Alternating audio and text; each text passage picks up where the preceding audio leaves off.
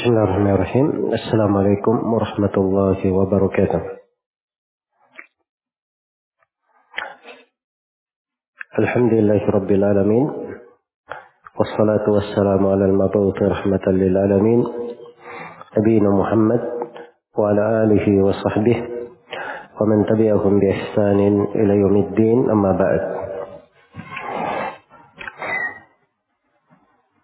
Kita masih melanjutkan bahasan tafsir surah Qaf dari rangkaian kajian ini membahas tafsir surah-surah Al-Mufassal.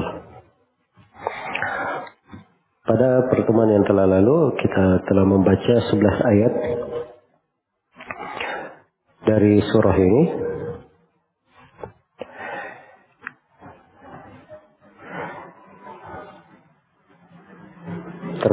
dengan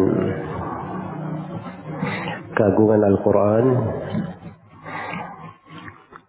Kemudian bagaimana akibat orang yang berpaling dari Al-Quran. Serta telah kita jelaskan pembahasan-pembahasan tentang bukti dalil-dalil yang menunjukkan adanya hari kebangkitan.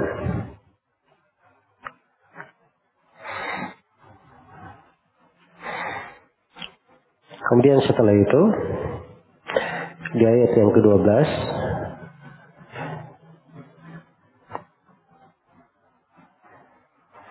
dan beberapa ayat setelahnya yang kita akan baca diterangkan tentang bagaimana sejumlah umat dibinasakan karena mendustakan para rasul.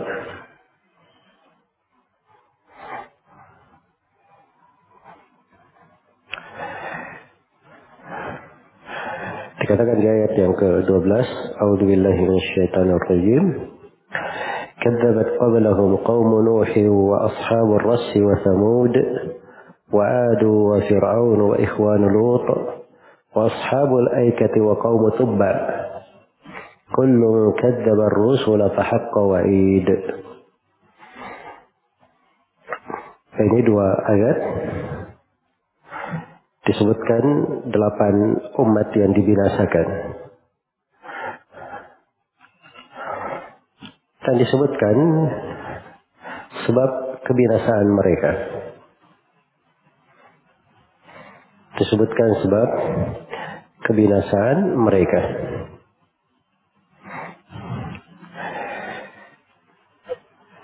Kadzabat qablahum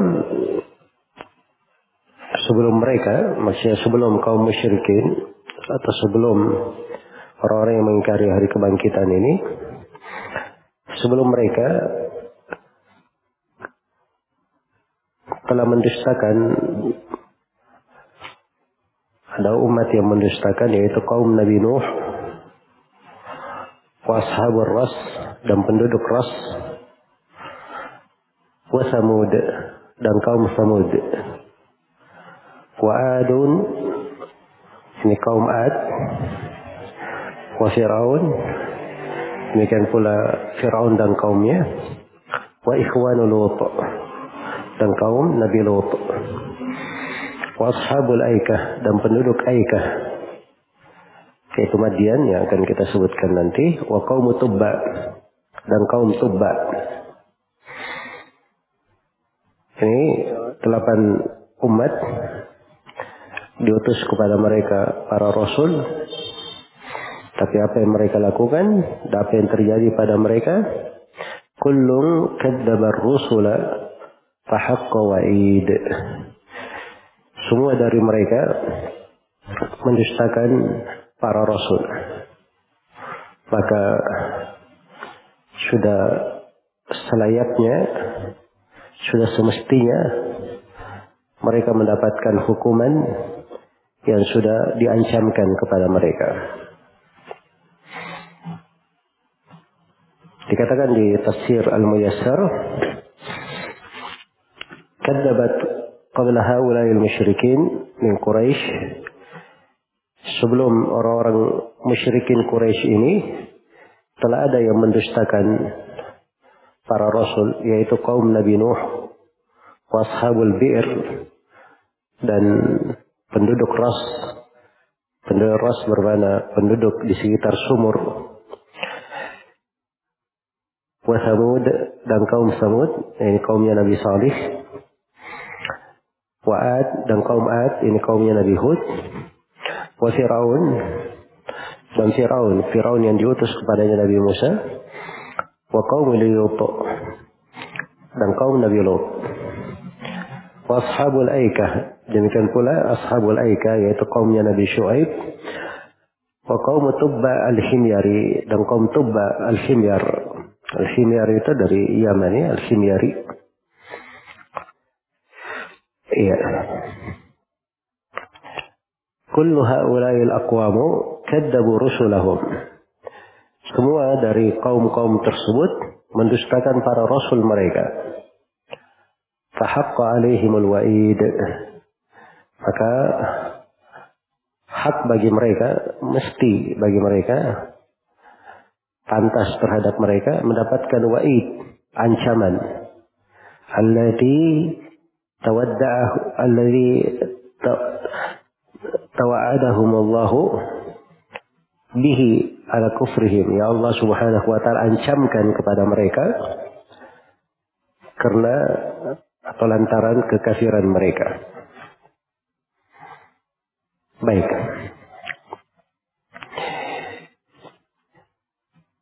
Jadi ini penyebutan umat-umat yang dibinasakan oleh Allah Subhanahu wa taala. Iya. Dan di dalam Al-Qur'anul Karim di berbagai tempat disebutkan kebinasan umat-umat itu dengan metode al-laf wa nashr. Kadang disebut ringkas dan kadang disebut terperinci. Kadang disebut secara ringkas dan kadang disebut secara terperinci.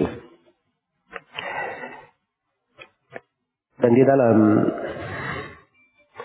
hal tersebut, di dalam penyebutan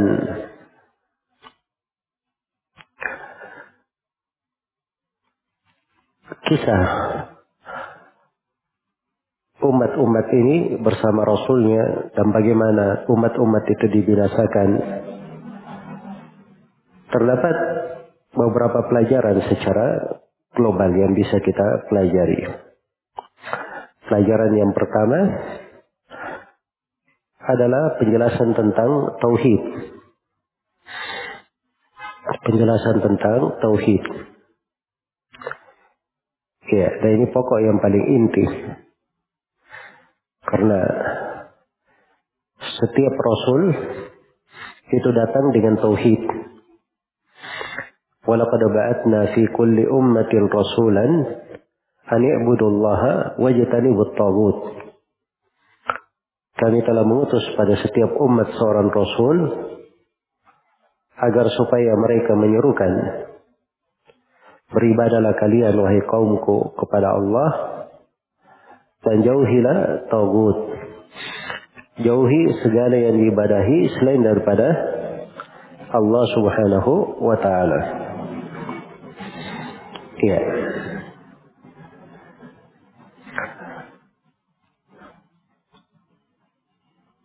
Dan dari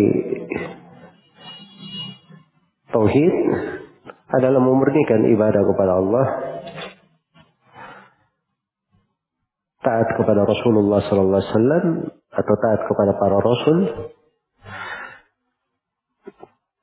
dan tidak mendustakan apa yang datang dari Allah dan apa yang dibawa oleh para rasulnya. Kemudian faedah yang kedua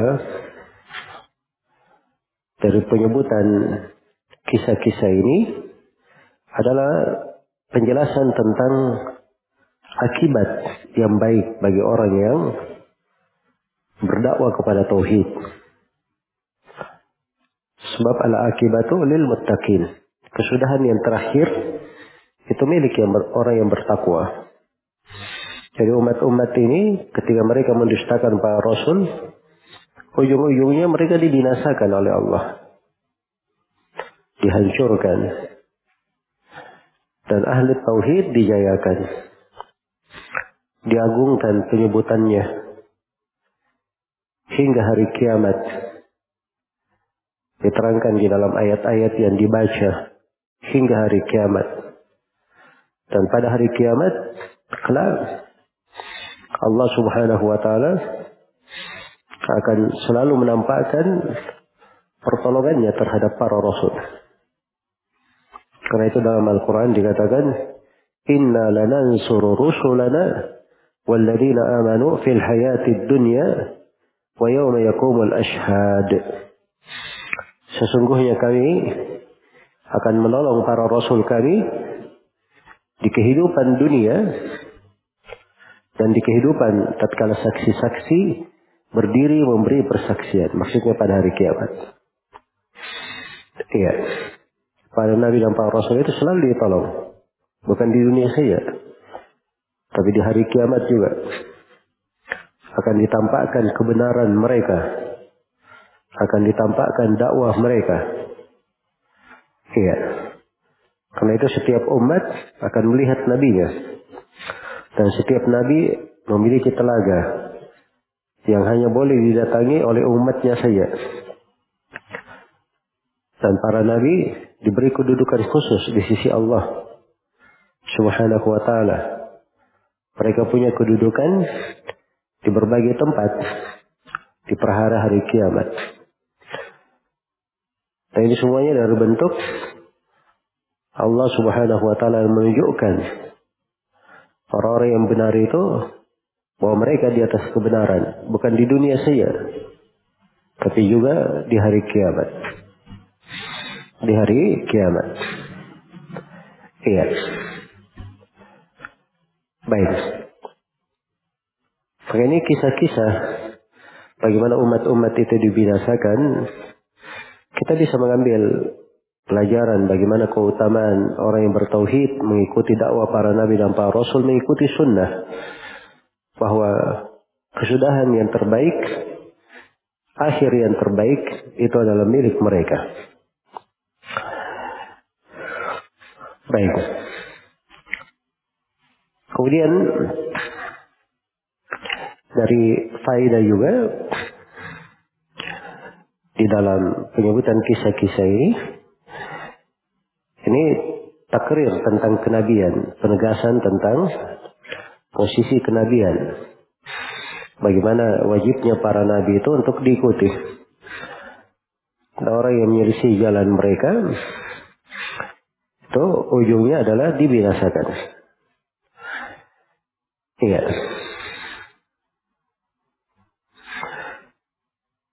Dan di berbagai tempat di penyebutan kisah-kisah umat-umat bersama nabinya Diterangkan kebinasaan umat itu kaitannya karena menentang para nabinya atau mengingkarinya, keras kepala terhadap mereka. Iya, termasuk kita umat Islam, kita diingatkan jangan sampai jatuh di dalam hal yang seperti itu. Allah berfirman, فَلْيَحْدَرِ الَّذِينَ يُخَالِفُونَ عَنْ أَمْرِهِ أَنْ تُصِيبَهُمْ فِتْنَةً أَوْ يُصِيبَهُمْ adabun alim. Hendaknya berhati-hati orang yang menyelisih perintahnya, perintah Nabi Shallallahu Alaihi Wasallam. Jangan sampai dia tertimpa oleh sebuah fitnah atau tertimpa oleh siksaan yang pedih. Nah, ini peringatan. Peringatan.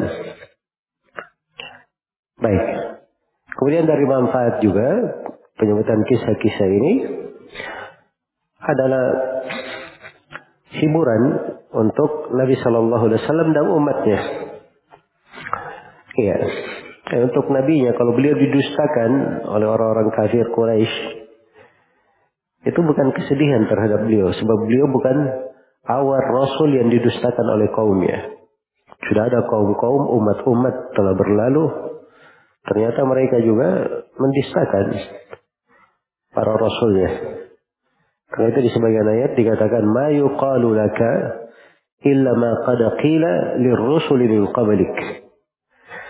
Tidaklah diucapkan tentang engkau ya Nabi Muhammad kecuali apa-apa yang telah diucapkan terhadap para rasul sebelum engkau.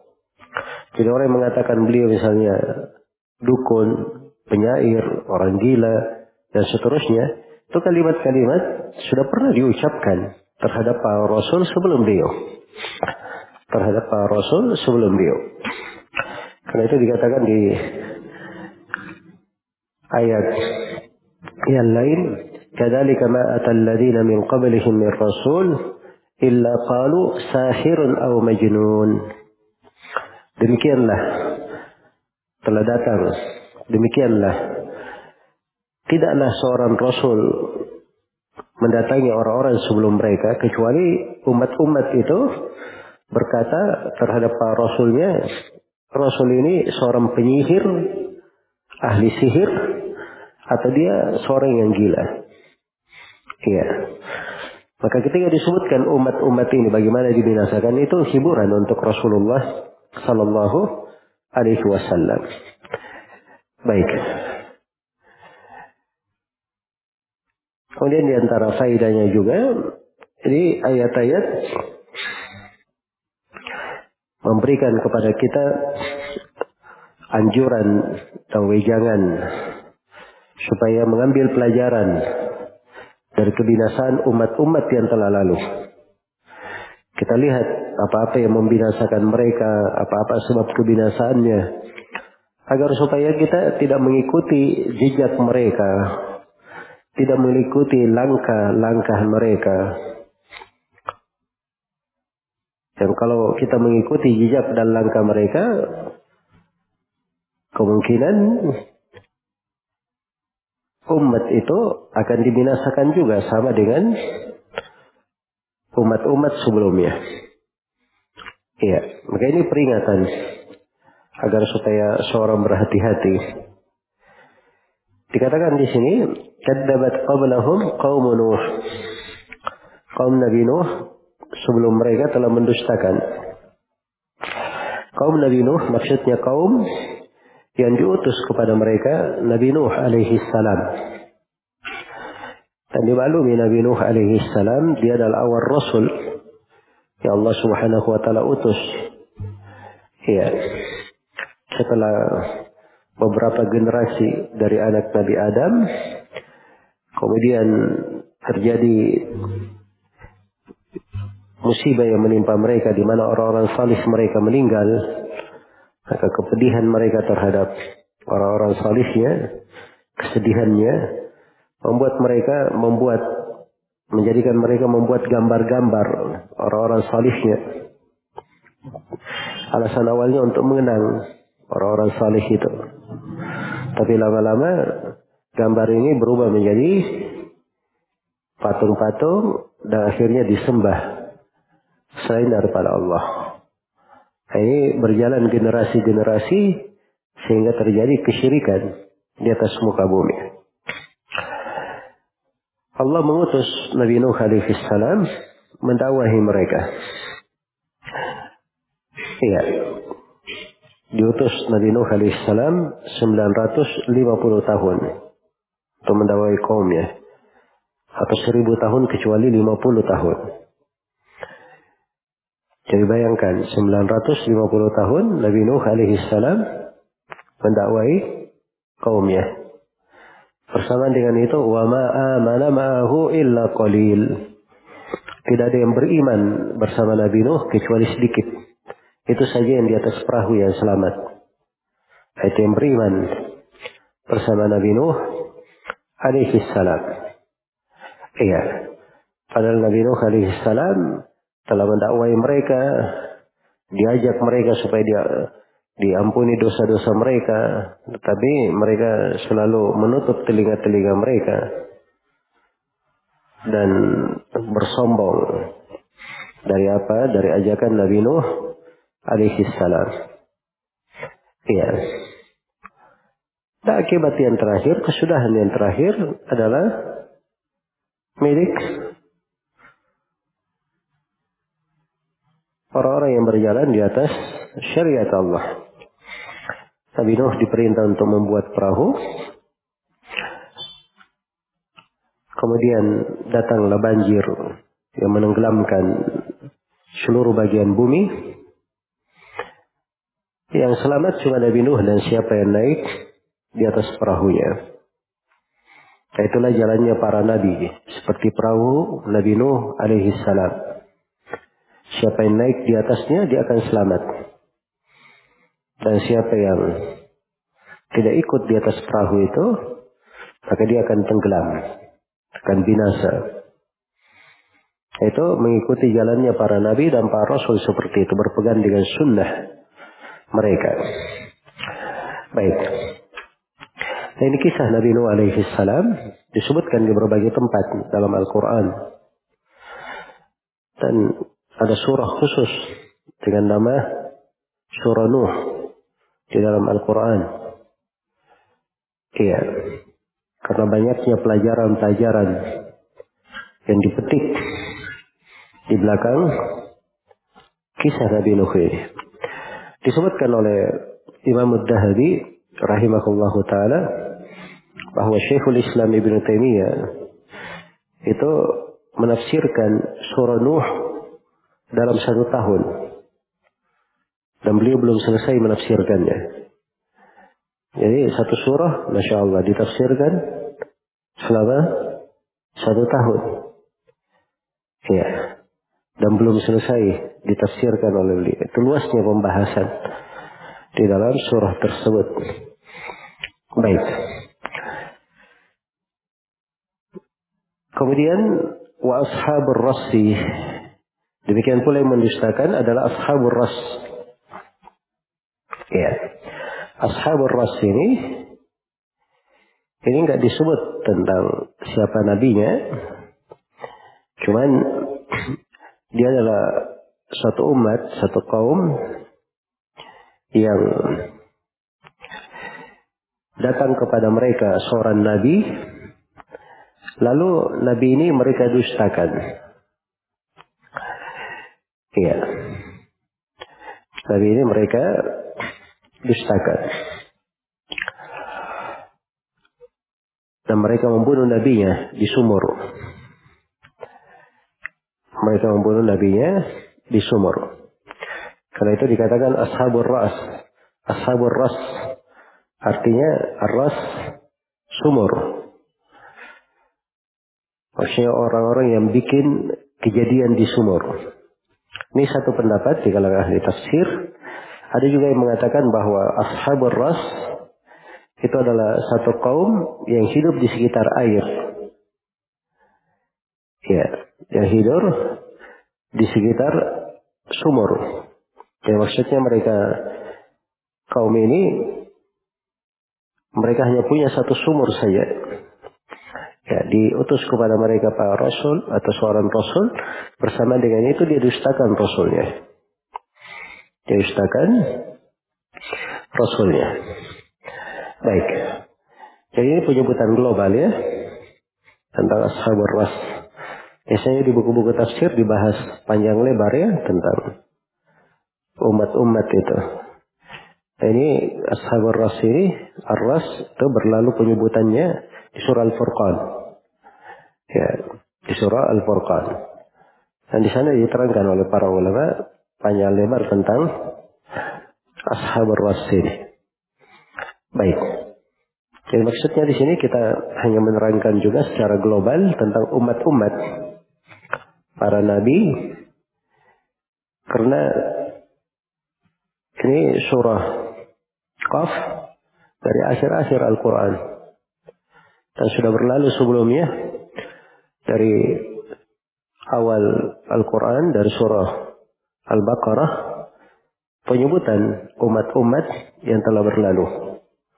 Iya. Maka itu semuanya pelajaran-pelajaran besar di dalam Al-Quran. Karena itu subhanallah Ya, itu juga salah satu hikmahnya kenapa seorang itu membaca Al-Quran dari depan. Dia baca Al-Quran dari depan hingga ke belakang. Karena urutan itu, urutan surah-surah, itu ada tertibnya. Ada keterkaitannya, ada hubungannya dari sudut mana dan selainnya. Dari sudut mana dan selainnya. Iya. Karena itu kalau dibaca dari surah-surah, kisah-kisah umat-umat, kemudian dibaca beberapa surah yang menyinggung secara global umat-umat yang telah lalu dan bagaimana peringatan terhadap mereka. Itu kadang sangat mengena sekali dalam hati, sangat-sangat memberikan peringatan. Baik. Kemudian kaum yang berikutnya adalah kaum Samud.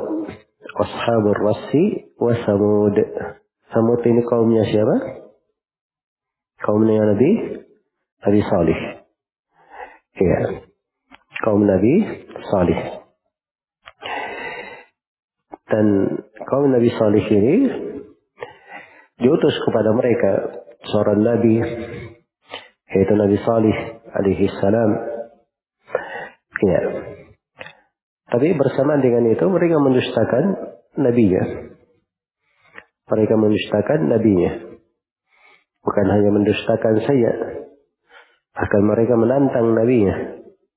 I'tina bima ta'iduna in kunta minal mursalin. Kata mereka, kalau memang engkau seorang rasul, wahai Nabi Salih, maka datangkanlah ancaman yang kau sebutkan kalau kami kafir. Jadi minta supaya disegerakan siksaan Allah. Nah ini naudzubillah dari kedustaan sejumlah umat termasuk dari kaum Nabi Salih, kaum Samud.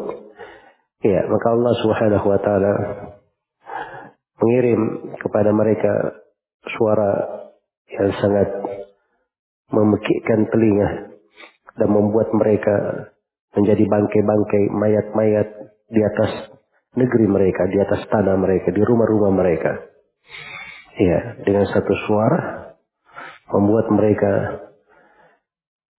menjadi bangkai-bangkai yang berhamburan di atas rumah-rumah dan tempat tinggal mereka. Nasallallahu al-afiyah. Jadi kaum Samud. Kemudian berikutnya Wa'ad dan kaum Ad. Ini kaum diutus kepada mereka Nabi Hud alaihi salam. Diutus kepada mereka Nabi Hud. Dan mereka mendustakan nabinya. Maka Allah subhanahu wa ta'ala membinasakan mereka. Dikirim kepada mereka angin yang bercampur dengan uh, bebatuan ya yang angin ini tidaklah melewati suatu apa pun kecuali dijadikan seperti debu. Iya. Padahal mereka kaum Ad ini berbangga bahwa mereka adalah umat yang kuat. Sampai mereka waktu itu berkata, Man asyaddu minna kuwah. Siapakah yang lebih kuat daripada kami? Maka Allah subhanahu wa ta'ala binasakan mereka. Iya. Dengan angin. Bayangkan angin yang tidak dilihat berjasad, berbentuk. Iya. Tapi bersama dengan itu, angin ini menghancurkan mereka dengan sehancur-hancurnya. Assalamualaikum wassalamah. Kemudian wa Fir'aun. Demikian pula Fir'aun. Fir'aun yang diutus kepada kepadanya Nabi Musa alaihi salam dan Nabi Harun. Dan dimaklumi bagaimana Fir'aun ini dengan kesewenang-wenangannya, dengan kesombongannya, dengan pengingkarannya, dengan dia mengolok-olok. Ya, Sampai dia berkata kepada kaumnya, Ana rabbukumul a'la. Aku adalah Rabb kalian yang paling tinggi. Iya. Dan kaum Firaun menaatinya. Menaati Firaun. Ini menyebabkan Firaun dan kaumnya dibinasakan oleh Allah Subhanahu wa taala. dengan ditenggelamkan ya mereka semuanya di dalam lautan. Subhanallah. Mereka menganggap paling kuat memiliki berbagai kekuasaan. Tapi bersama dengan itu, ketika Allah membinasakan mereka, seluruh yang mereka miliki dari harta benda, tidak ada yang bisa memberi manfaat bagi mereka. Bahkan harta benda itu hanya menjadi warisan untuk kaum yang lainnya. Ya. Bagaimana Allah membalik suatu perkara yang dulunya mereka berjaya dimegahkan berubah menjadi kehancuran dan kehinaan. Nasallallahu al-afiyah. Baik. Maka ini Fir'aun. Berikutnya wa ikhwanul Lut. Ikhwan Lut maksudnya kaum Nabi Lut. Ikhwan itu jama dari ah. Ya, dikatakan saudara-saudara Lut. Saudara dalam artian saudara seumat, satu kaum. Jelas ya? Ya kita ini kalau misalnya sama-sama orang Indonesia, itu saudara dalam mana satu umat. Saudara dalam mana satu umat.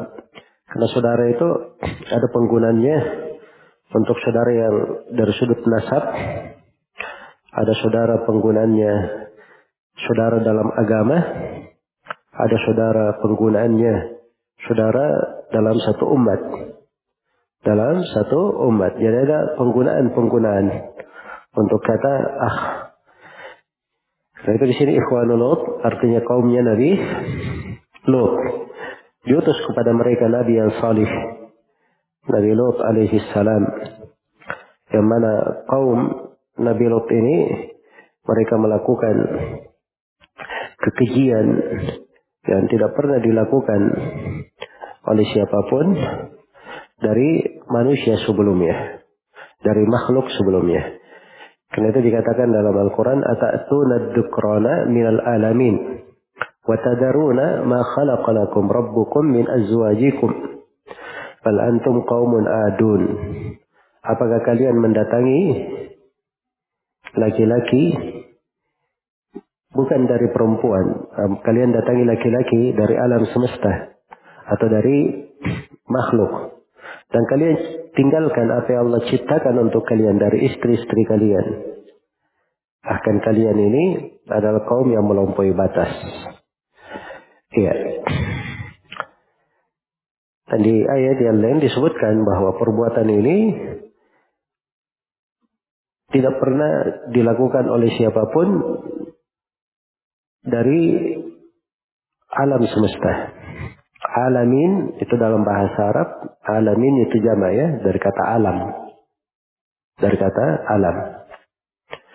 Jadi manusia itu alam. Jin itu alam. Malaikat itu alam. Ya, hewan-hewan itu alam. Jelas ya? Nah, itu dikatakan alamin semuanya itu. Bukan cuman manusia saja. Jadi perbuatan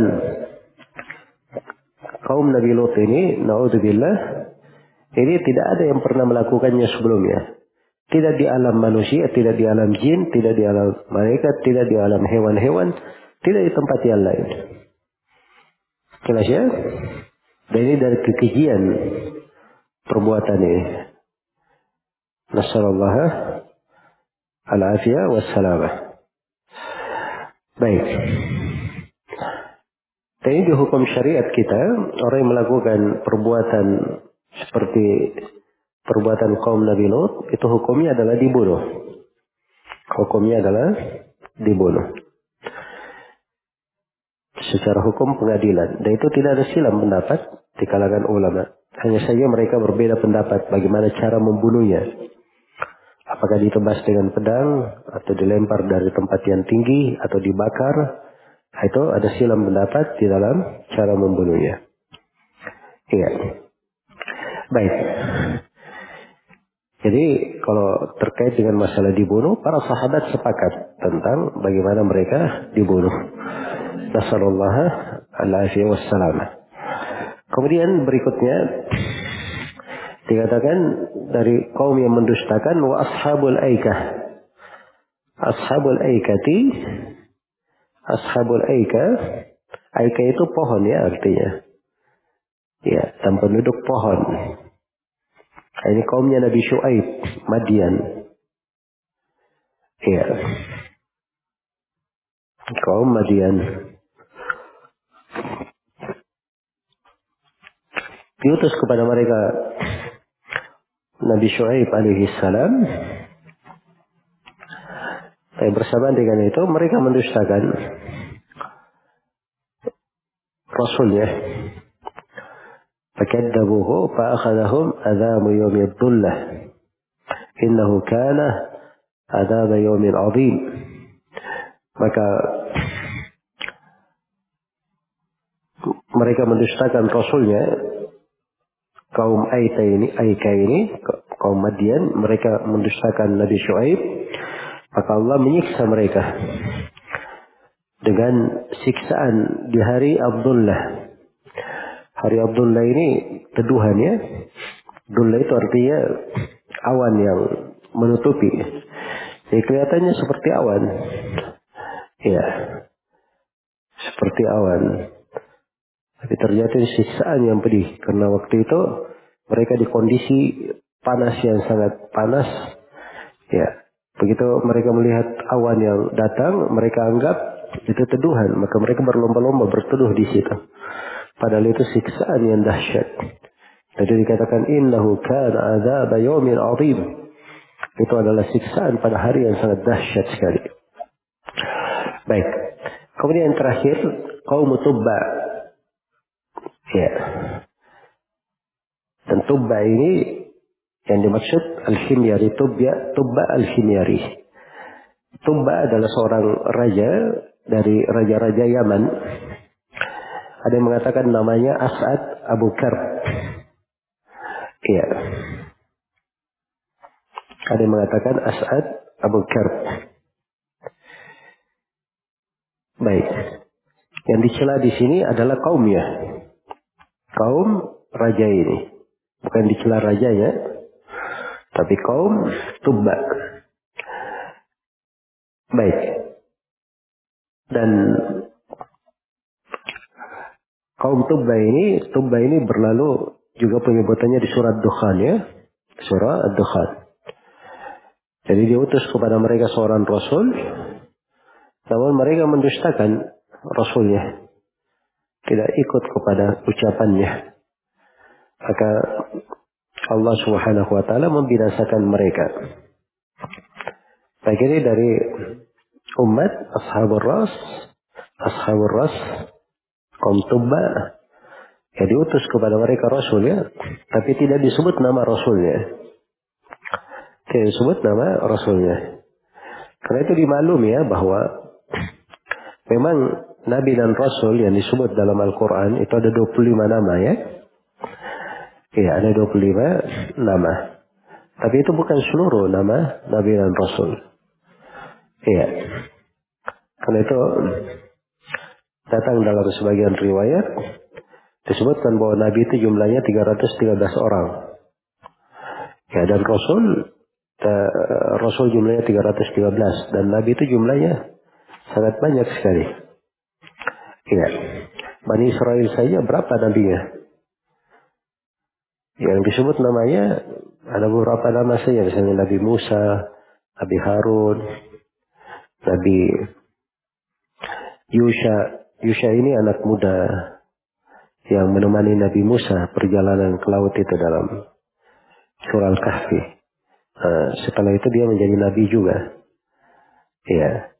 Ada di sebagian riwayat Nabi namanya Daniel. Itu dari Nabi Bani Israel. Dan mereka punya banyak Nabi. Karena kullama halaka Nabi khalafahu Nabi. Setiap ada Nabi yang meninggal, akan datang lagi Nabi di tengah mereka. Itu kekhususan Bani Israel. Memang Banyak sekali nabi di tengah mereka. Karena itu diingatkan dalam Al-Quran nikmat Allah terhadap mereka. Wa qala Musa liqaumihi kuru nikmat Allahi alaikum idja'ala fikum anbiya. Ingatlah nikmat Allah kepada kalian. Ketika Nabi Musa berhadap, berkata kepada kaumnya, ingatlah nikmat Allah kepada kalian ketika Allah menjadikan di tengah kalian para nabi. Ya, nabi-nabi dijadikan di tengah mereka. Baik. Kalau hal inilah beberapa kisah umat secara ringkas ya saya jelaskan karena di ayat disebutkan global saja. Maksud yang diinginkan adalah di akhir ayat. Kullun kadzabar rusul. Setiap dari umat ini, setiap dari mereka itu mendustakan para rasul. Kullun kadzabar rusul. Semuanya mendustakan para rasul. Rasul di sini datang dalam bentuk jama. Ya, padahal kadang satu umat itu nabinya rasulnya cuma satu. Ya kan? Ya, kaum Hud nabinya kaum Ad nabinya cuma Nabi Hud saja. Kaum Samud nabinya cuma siapa? Nabi Saleh saja. Ashabul Aika atau Madian nabinya cuma siapa? Shu'aib saja. Kan begitu? Tapi semua umat ini dikatakan mendustakan para rasul. Seluruh rasul dia dustakan. Kenapa? Karena kaidahnya begitu memang. Siapa yang mendustakan satu rasul, itu artinya dia dustakan seluruh nabi dan rasul. Itu hukumnya sama. Mendustakan seorang rasul, itu artinya dia mendustakan seluruh nabi dan rasul. Jadi hukum harus diketahui karena itu seorang mukmin dan mukminah dia beriman terhadap para rasul seluruhnya. Ya, keimanan secara global kepada seluruh nabi dan rasul saudara Nabi dan Rasul. Khusus kepada kita, Nabi kita Nabi Muhammad, nah itu kita ada keimanan khusus sebagai Nabi yang terakhir. Nabi yang tidak Nabi lagi setelahnya. Nabi yang menutup risalah kenabian. Kan begitu. Baik. Iya. Jadi ini bagian dari keimanan yang harus diketahui. Karena itu subhanallah ada anak-anak kaum muslimin yang kadang tidak belajar agama ketika terjadi beberapa kejadian di masa sekarang. Ada kemarin yang bikin karikatur-karikatur ya tentang Nabi Muhammad menjelekkan Nabi. Ada yang balas dia bikin karikatur Nabi Isa. Ya. Nah, ini namanya dia juga kafir sebagaimana orang-orang kafir itu. Sama saja artinya dia mencela Nabi Muhammad, mencela Nabi Isa itu sama saja. Hukumnya sama di dalam syariat. Atau mengeluarkannya dari agama. Menjadikannya sebagai orang yang murtad keluar dari agama. Nasallallahu alafiyah. Baik. Jadi semuanya kullun kadzabar rusul, semuanya mendustakan para rasul. Nah ini sebabnya mendustakan. Fahaqqa wa'id. Maka telah wajib atas mereka. Fahaqqa. Nah, ini wajib atas mereka. Kenapa wajib atas mereka? Itu perbuatan mereka sendiri. Perbuatan mereka sendiri. Iya. Wa idza aradna an nuhlika qaryatan amarna mutrafiha fafasaqu fiha fahaqqa 'alaiha al-qaul fadammarnaha tadmira. Apabila kami hendak membinasakan sebuah negeri, maka kami jadikan penduduk negeri ini berbuat kefasikan di dalamnya. Ya, terjadi berbagai eh, kefasikan, apakah fasik besar maupun fasik kecil, kekafiran, dosa-dosa, maksiat, Akhirnya negeri ini sudah berhak, sudah layak, wajib untuk ditegaskan ucapan siksaan padanya. Maka kami pun membinasakan negeri itu menghancurkannya dengan sehancur-hancurnya. Jelas ya? Jadi ada sebabnya. Negeri itu ketika dibinasakan, ya, atau sebuah negeri wajib mendapatkan siksaan, nah, itu ada sebabnya. Tidak mungkin mereka tidak ada amalan, tidak ada dosa, tidak ada kemaksiatan yang mengundang musibah dan malapetaka. Pasti ada dosa dan maksiat yang mereka lakukan. Sehingga datang musibah dan malapetaka tersebut. Iya. Karena itu dibahasakan di sini fahaqqa. Maka telah wajib atas mereka wa'id ancamanku. Yaitu siksaan yang diancamkan kepada mereka. Siksaan yang diancamkan kepada mereka. Baik. Iya.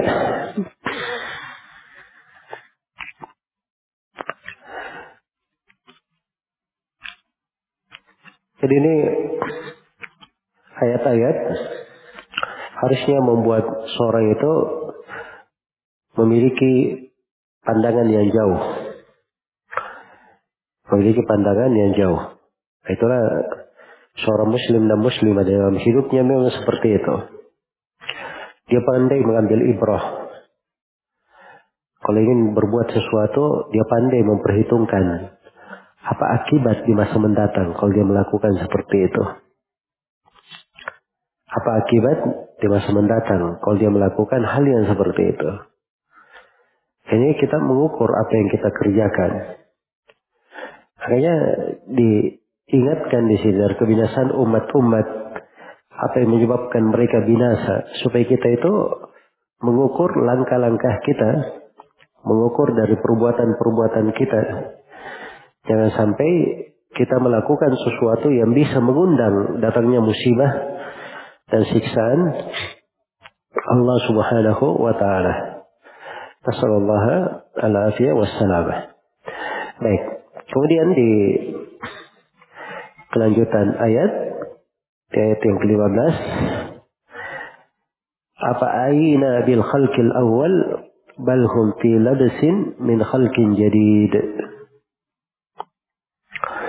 Ini tertibnya Masya Allah ya dalam surah Qaf ini indah sekali. Ya, di dalam menekankan makna-makna. Jadi awal surah kan menjelaskan keagungan Al-Quran. Terus bantahan terhadap orang-orang kafir. Terus diterangkan bukti-bukti akan adanya hari kebangkitan. Kemudian diingatkan bahwa orang-orang yang mendustakan ujungnya pasti dibinasakan. Kemudian di ayat ini diingatkan sudut yang lain. Allah itu maha mampu untuk membangkitkan mereka. Apa aina bil khalqil awal? Ya. Apakah kami letih dengan penciptaan yang pertama? Bal fi labsin min khalqin jadid. Sebenarnya mereka itu ragu-ragu tentang penciptaan yang baru. Iya. Ini juga dari kalimat-kalimat yang menegaskan ya, akan adanya hari kebangkitan. Jadi ketika kami menciptakan di penciptaan yang pertama, apakah kami merasa berat, merasa letih? Ya. Jadi mereka waktu mereka mengakui bahwa Allah yang menciptakan mereka, mereka akui itu. Jadi kaum musyrikin kalau ditanya siapa yang menciptakan kalian, mereka akan jawab Allah yang menciptakan kami. Tapi yang mereka ingkari adalah hari apa? Hari kebangkitan. Hari kebangkitan. Iya. Jadi kalau mereka akui Allah yang menciptakan mereka di kali pertama, apa susahnya menciptakan mereka di kali yang kedua? Jelas ya? Makanya datang dalam bentuk pertanyaan pengingkaran kepada mereka. Apakah kami letih dari penciptaan yang pertama? Iya. Apakah kami letih dari penciptaan yang pertama? Hakikat yang terjadi itu balhum fi labsin. Bahkan mereka ini dalam labas. Labas itu dalam keraguan. Mereka dalam keraguan. Iya. Min khalqin jadi dari penciptaan yang baru. Maksudnya dari hari kebangkitan. Dari hari kebangkitan.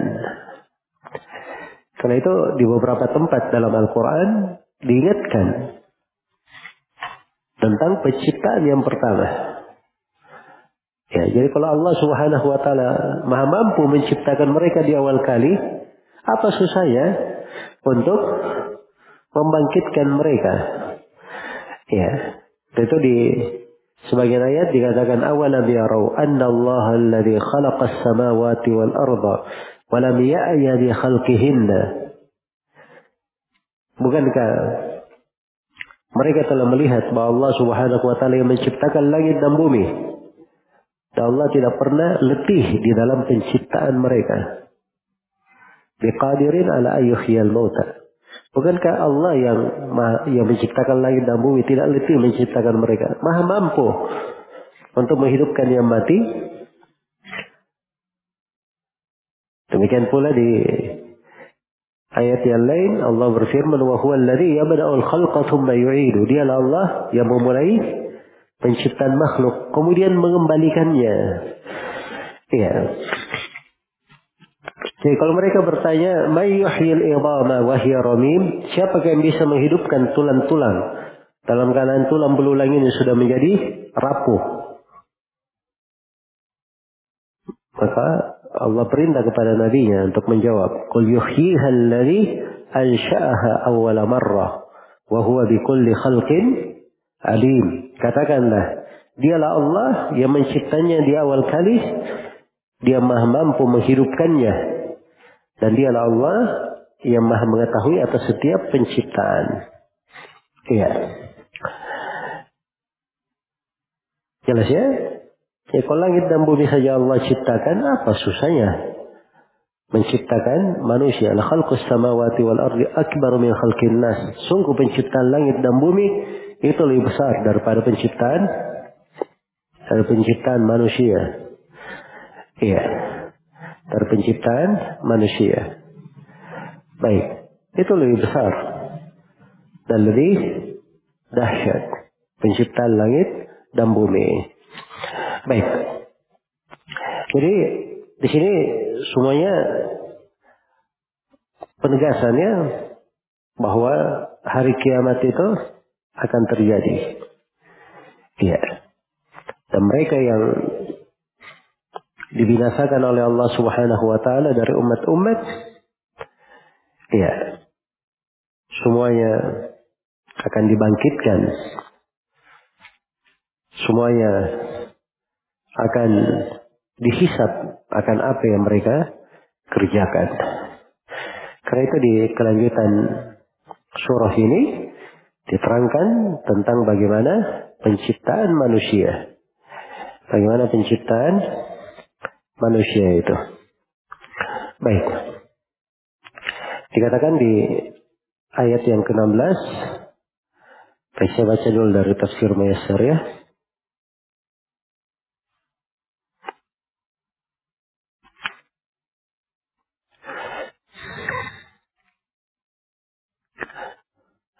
أفعينا بالخلق الأول؟ بل هم في لبس من خلق جديد. Tafsir Mayassar dikatakan apa ajazna an ibtida'il khalqil awal alladhi khalaqnahu wa lam yakun syai'an فنأجز عن إعادتهم خلقا جديدا بعد فنائهم. لا يأجزنا ذلك بل نحن عليه قادرون. لكنهم في حيرة وشك من أمر البعث والنشور. Ya tafsirnya ringkas. Tapi padat menjelaskan makna. Apakah kami letih? Apakah kami lemah untuk mengadakan penciptaan makhluk yang pertama yang telah kami ciptakan? Padahal dulunya makhluk itu tidak ada sama sekali. Ya, apakah kami tidak mampu untuk mengembalikannya lagi sebagai makhluk yang baru setelah mereka fana, setelah mereka sirna? Ini pertanyaan pengingkarannya. Ya, jawabannya bahwa kami tidak akan lemah dari hal itu. Bahkan kami sangat mampu terhadapnya. Ya, akan tetapi mereka ini yang berada di dalam kebingungan dan keraguan akan hari kebangkitan dan hari pembalasan. Iya. Baik. Kemudian di ayat berikutnya, di ayat yang ke-16 dikatakan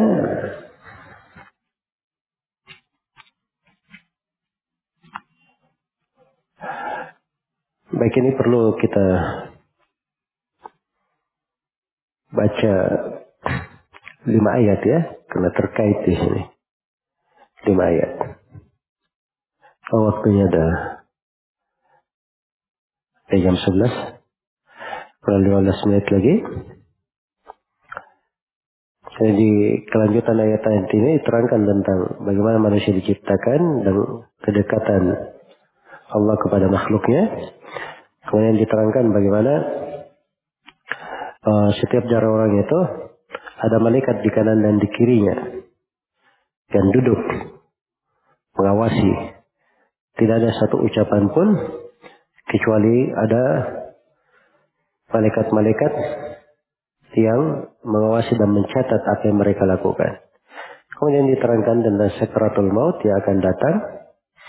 Ya dan sekaratul maut ini kalian lari darinya. Lalu dijelaskan tentang hari kebangkitan. Ya, hari ditiupnya sangkakala. Setelah itu dijelaskan tentang uh, setiap orang yang dibangkitkan akan ada dua yang mengawaninya. Ada namanya Said dan ada namanya Syahid. Dan ini berlanjut pada kelanjutan surah penjelasan tentang hal tersebut.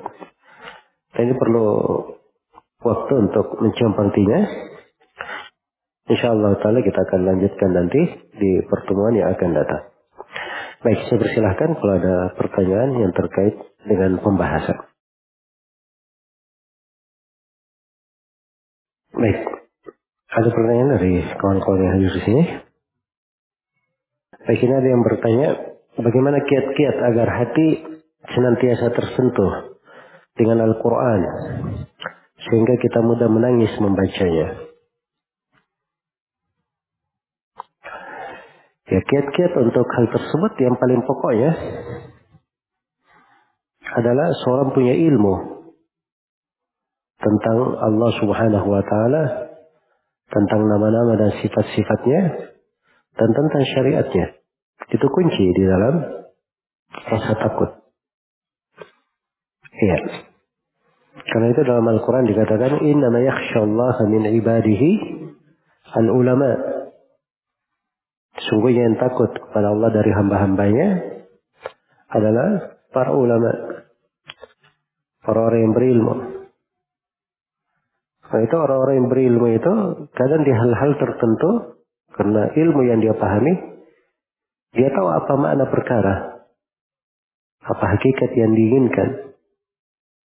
Ya. Dari hal tersebut akan muncul rasa takutnya. Karena itu ketika Nabi Shallallahu Alaihi Wasallam bersabda, ada seorang hamba yang diberi pilihan oleh Allah. Apakah dia memilih dunia atau dia memilih apa yang berada di sisi Allah. Maka hamba ini memilih apa yang berada di sisi Allah. Maka mendengar ucapan Nabi Shallallahu Alaihi Wasallam ini, Abu Bakar Siddiq radhiyallahu taala anhu menangis terseduh-seduh. Iya. Dan itu tidak terjadi pada sahabat yang lainnya. Tidak terjadi pada Umar, Utsman, dan sahabat yang hadir di situ. Tapi Abu Bakar radhiyallahu taala anhu menangis terseduh-seduh karena hal itu. Kenapa? Karena Abu Bakar tahu bahwa hamba yang diberi pilihan ini adalah Nabi Muhammad sallallahu alaihi wasallam.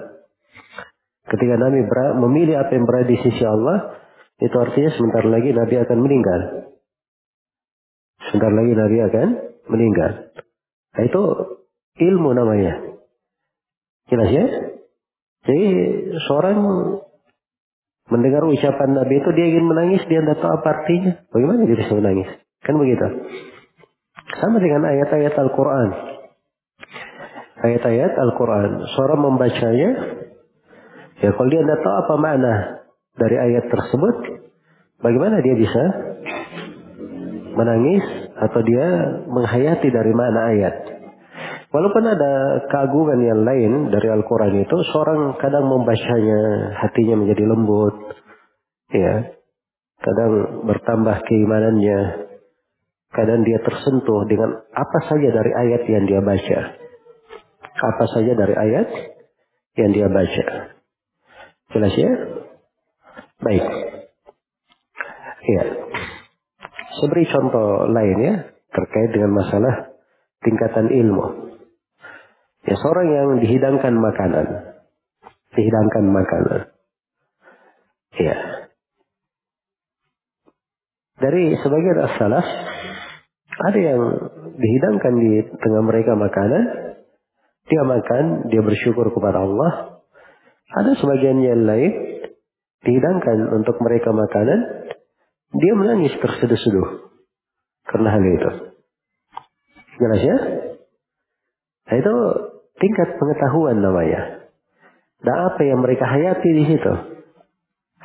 Karena itu Abdurrahman bin Auf radhiyallahu taala anhu ketika suatu hari dihidangkan makanan yang lezat untuk beliau, beliau menangis terseduh-seduh.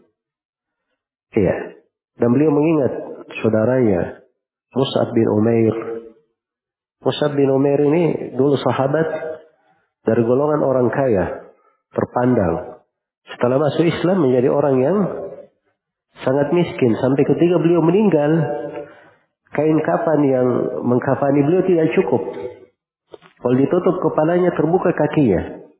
Ditutup kakinya terbuka kepalanya. Akhirnya ditutupi kepalanya oleh Nabi Sallallahu Alaihi Wasallam dan kakinya ditutup pakai jerami. Ditutup pakai jerami. Maka apa renungan bukan kisah mengingat orang yang meninggal sedih begitu. Tapi ada renungan yang lebih dahsyat dari Abdurrahman bin Auf. Beliau berkata, saya khawatir makanan-makanan ini yang berada di depan saya, ini adalah nikmat dunia atau nikmat yang Allah segerakan untukku di dunia, tidak diberikan lagi di akhirat. Itu ilmu di situ. Karena kadang sebagian dari kita, subhanallah, menghadapi kehidupan dunia, misalnya dianggap nikmat yang datang, oh ini anugerah Allah, kebaikan dari Allah, dia bergembira. Dia batas pengetahuannya sampai di situ, mungkin di bab syukur. Ya, tapi dia tidak berpikir kadang ada sebagian nikmat Allah segerakan untuk hamba di dunia tidak diberikan lagi di akhirat untuknya. Di akhirat disiksa, disiapkan untuknya siksaan. Nasallallahu alaihi Maka itu hal-hal yang kadang apabila seorang memahaminya itu bisa membuatnya takut kepada Allah Subhanahu wa taala. Jelas ya? Jadi kuncinya di dalam khasya, rasa takut dan bagaimana Al-Qur'an itu berpengaruh kepada seorang dia mempelajarinya, mendalaminya, memahami dari kandungan-kandungannya memahami dari kandungan-kandungannya. Ya, selain daripada itu, dia juga banyak membaca sirah para nabi, para rasul. Ya, dia banyak baca dari sirah nabi kita Nabi Muhammad sallallahu alaihi wasallam. Kemudian dia banyak baca dari biografi para sahabat Rasulullah sallallahu alaihi wasallam khususnya Khulafaur Rasyidin. Kemudian 10 orang sahabat yang dijamin masuk surga ya dan sahabat-sahabat yang senior dan dia baca banyak dari biografi para imam agama dari kalangan tabiin, tabiut tabiin. Ya. Ya kalau dia banyak membaca dari keadaan hidup orang-orang yang salih itu, itu memberi pengaruh pada dirinya untuk khusyuk, untuk bisa meniru bagaimana orang-orang yang salih di dalam hal tersebut. Sambil yang terakhir dia banyak berdoa kepada Allah supaya diberi kelembutan hati, disucikan hatinya, diampuni dosa-dosanya. Karena dosa-dosa itu membuat hati menjadi keras. Membuat hati menjadi keras.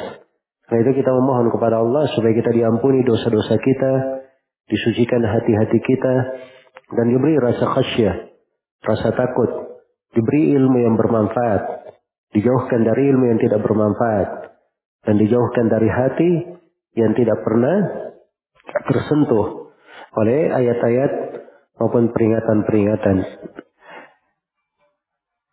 Baik. Wallahu taala alam.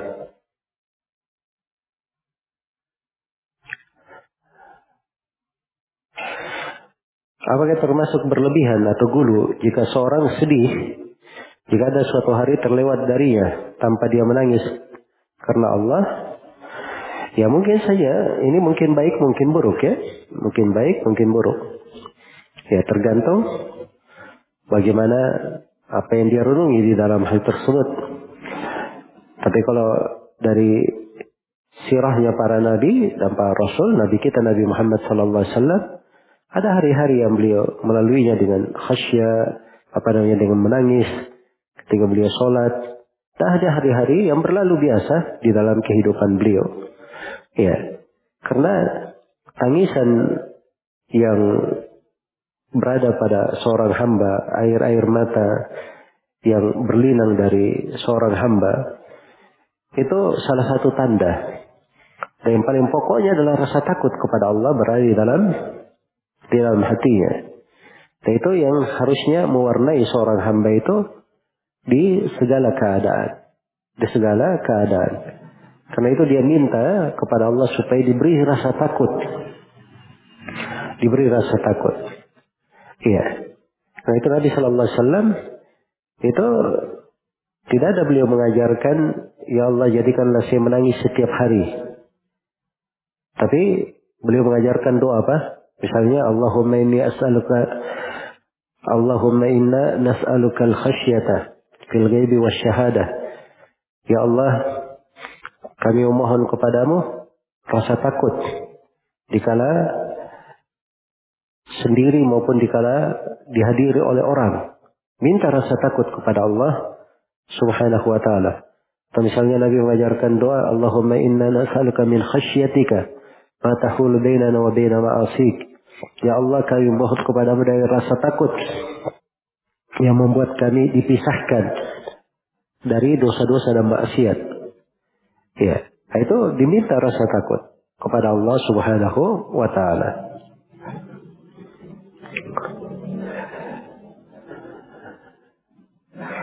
Apakah ada manusia yang kekafirannya lebih kafir dari Firaun? Jawabannya tentunya ada. Nah itu disaksikan ya. Disaksikan. Iya. Ada orang-orang yang kadang, naudzubillah, kekafirannya lebih kafir dari Firaun. Lebih kafir dari Firaun. Seperti orang-orang yang mengingkari adanya yang mencipta. Ya. Firaun itu dia tahu bahwa Allah yang mencipta, dia tahu, cuma dia bersombong. Iya. Dia bersombong akan hal tersebut. Karena itu dikatakan dalam Al-Quran, wajahadu biha wastaiqanat anfusuhum. Mereka menentangnya, tapi jiwa-jiwa mereka meyakini. Jiwa-jiwa mereka meyakini. Ada orang yang, naudzubillah, ya di hatinya pun tidak ada keyakinan untuk hal tersebut. Iya. Ini ada sudut-sudut yang memang dosa itu kekufuran. Kadang lebih kafir dari Yahudi dan Nasara, kadang lebih kafir dari Fir'aun dan Iblis. Pada sebagian manusia. Rasulullah alaihi wassalam.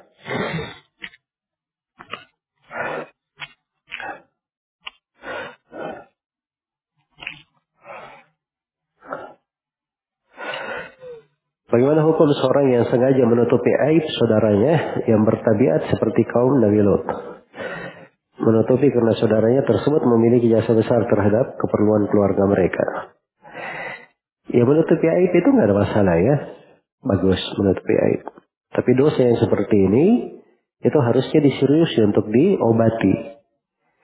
Diberi nasihat yang baik untuk menghindarinya, untuk menghilangkannya. Iya. Dan ini namanya penyakit ya Nah, itu harus diobati. Cara mengobatinya bagaimana? Pertama, dia dinikahkan. Kemudian yang kedua, dia mempelajari besarnya dosa di dalam hal tersebut. Iya, besarnya dosa di dalam hal tersebut. Supaya punya rasa takut. Kemudian yang ketiga, dia dijauhkan dari segala wasilah yang bisa menjatuhkannya di dalam dosa ini. Apa saja wasilah yang mengantar ke sana dari pergaulan, kawan-kawan, tontonan, bacaan, apa saja yang bisa mengantarnya ke sana semuanya diputus, dijauhkan dari hal tersebut. Sambil selalu didoakan. Selalu didoakan. Karena itu ada seorang pemuda yang datang kepada Nabi dia berkata, Ya Rasulullah, I'dan li zina. Ya Rasulullah, izinkan saya berzina. Yani subhanallah ya. Para sahabat ribut menghardiknya. Ya. Kata Rasulullah SAW, tidak, biarkan dia. Majukan ke sini, dekatkan dia. Dekatkan. Karena Nabi bertanya kepadanya, apakah kamu riba melakukan perbuatan zina ini bersama ibumu? Dia sumpah la wallah ya Rasulullah. Tidak demi Allah ya Rasulullah. Ya, kata Nabi dan tidak seorang pun dari makhluk yang riba akan hal tersebut. Nah, ini di masa Nabi ya diucapkan. Kalau dia melakukannya sekarang itu mungkin bukan manusia. Terus Nabi tanya lagi, apakah kamu riba melakukan hal itu dengan bibimu? Apa dengan saudara perempuanmu? Dia sumpah lagi, tidak demi Allah ya Rasul. Apakah kamu riba melakukannya dengan bibimu? Tidak ya Rasulullah. Ya, setelah itu Nabi berkata kepadanya, Allahumma ikfir dambahu. Ya Allah ampunilah dosanya. Wa tahkir qalbah. Dan sucikan hatinya. Dan sucikan hatinya. Itu diberi dua kalimat ya ada potongan doa yang lain kelanjutannya. Tapi dimohonkan oleh Nabi Shallallahu Alaihi Wasallam untuk apa? diampuni dosa-dosanya dan disucikan hatinya. Ya maksudnya orang itu perlu didoakan. Orang-orang yang jatuh di dalam hal yang seperti itu apalagi itu adalah keluarga, saudara, orang yang berharga terhadap kita. Kita selalu mendoakannya, jangan putus asa dari rahmat Allah Subhanahu wa taala. Segala sesuatu itu mudah bagi Allah. Kalau kita memohonnya kepada Allah, Allah yang menundukkan langit dan bumi dan menundukkan semua yang keras bisa menjadi lembut dan bisa memudahkan segala sesuatu. Kalau kita memohon kepadanya, ya. Semoga Allah memberikan taufik kepada semuanya. Wallahu taala. Baik.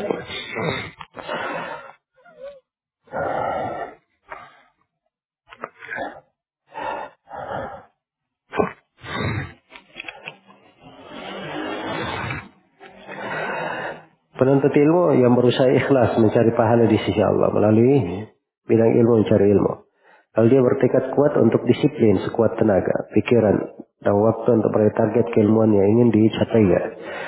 Tapi dia khawatir terjatuh dalam berserah diri terhadap dirinya sendiri atau usahanya Jadi tidak bertentangan ya. Jadi seorang memang perlu dua hal. Perlu dua hal. Ya, ikhlas dalam belajar dalam menuntut ilmu itu itu sudah jelas ya. Tapi seorang di dalam belajarnya ada dua hal yang diperlukan. Hal yang pertama, dia selalu menyerahkan perkaranya kepada Allah. Karena ilmu itu anugerah. Ya, pemberian. Dia minta kepada Allah. Yang kedua, disyariatkan baginya untuk berusaha, berupaya. Ya, itu dua hal.